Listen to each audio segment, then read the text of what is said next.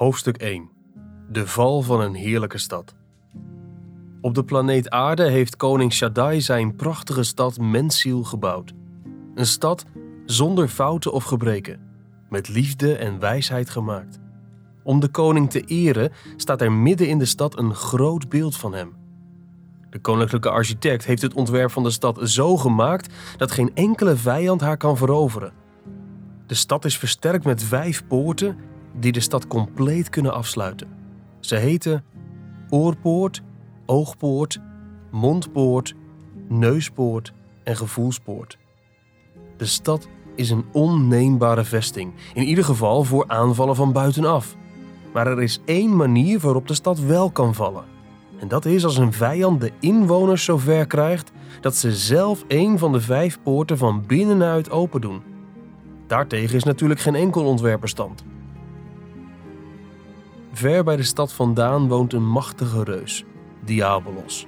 Hij was eerst een dienaar van koning Shaddai, maar op een dag pleegde hij een aanslag op de zoon van de koning, prins Immanuel, om diens plaats in te nemen.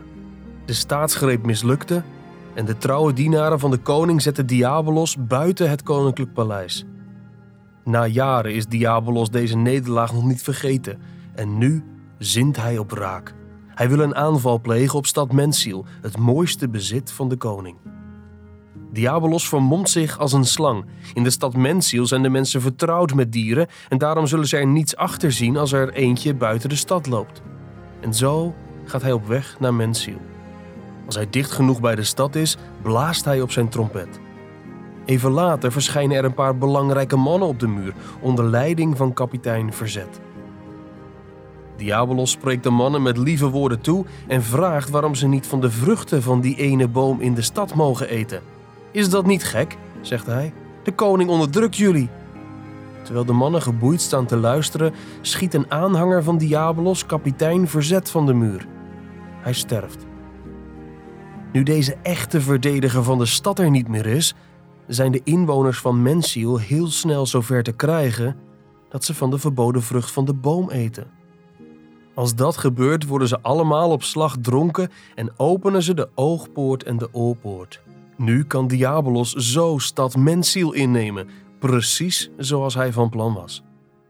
Diabolos ontslaat als eerste burgemeester verstand en meneer geweten, al houdt die laatste wel veel invloed op de inwoners. Soms gilt hij dat het verkeerd gaat en dat ze terug moeten gaan naar de koning. Om meneer geweten stil te krijgen, verleidt Diabolos hem tot zonde. Stapje voor stapje laat hij hem meer alcohol drinken, zodat hij niet meer weet wat hij doet en geen besef meer heeft van zonde. De inwoners van Mensiel maakt Diabolos wijs dat geweten niet goed meer bij zijn verstand is en dat ze hem niet al te serieus meer moeten nemen. Daarna laat hij het beeld van de koning vernietigen, zodat niemand meer aan de goede koning denkt. Hoofdstuk 2 De reactie van koning Shaddai.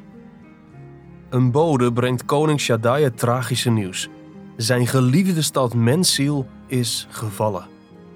Als de koning, prins Immanuel en de andere belangrijke inwoners dat horen, barsten ze in tranen uit. Toch zijn koning Shaddai en zijn zoon Immanuel niet verslagen. Ze hebben altijd geweten dat dit een keer gebeuren zou en er ligt een reddingsplan klaar. Samen trekken koning Shaddai en prins Immanuel zich terug in de geheime kamer. Daar herhaalt de prins nog een keer de belofte die hij ooit aan de koning heeft gedaan.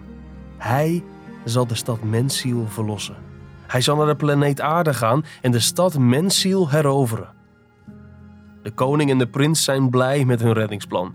De secretaris schrijft een goed verhaal over het besluit en alle mensen in het koninkrijk krijgen het te horen.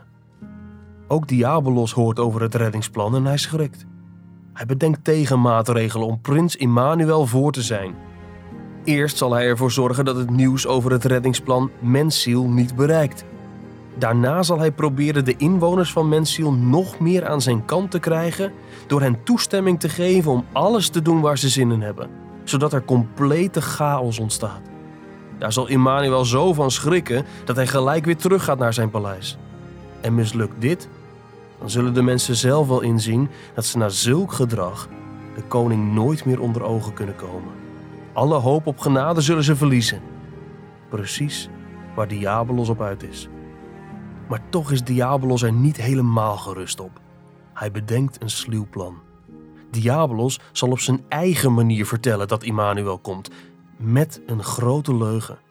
Hij zal de inwoners vertellen dat zijn spionnen hebben gehoord dat koning Shaddai onderweg is met een groot leger om mensziel te heroveren en vervolgens compleet te vernietigen in plaats van te bevrijden.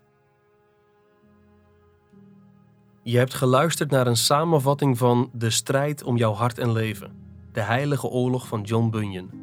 Geschreven door Dr. Reinier van Koten, samengevat door Anja de Otter en voorgelezen door Marcel Vroegop.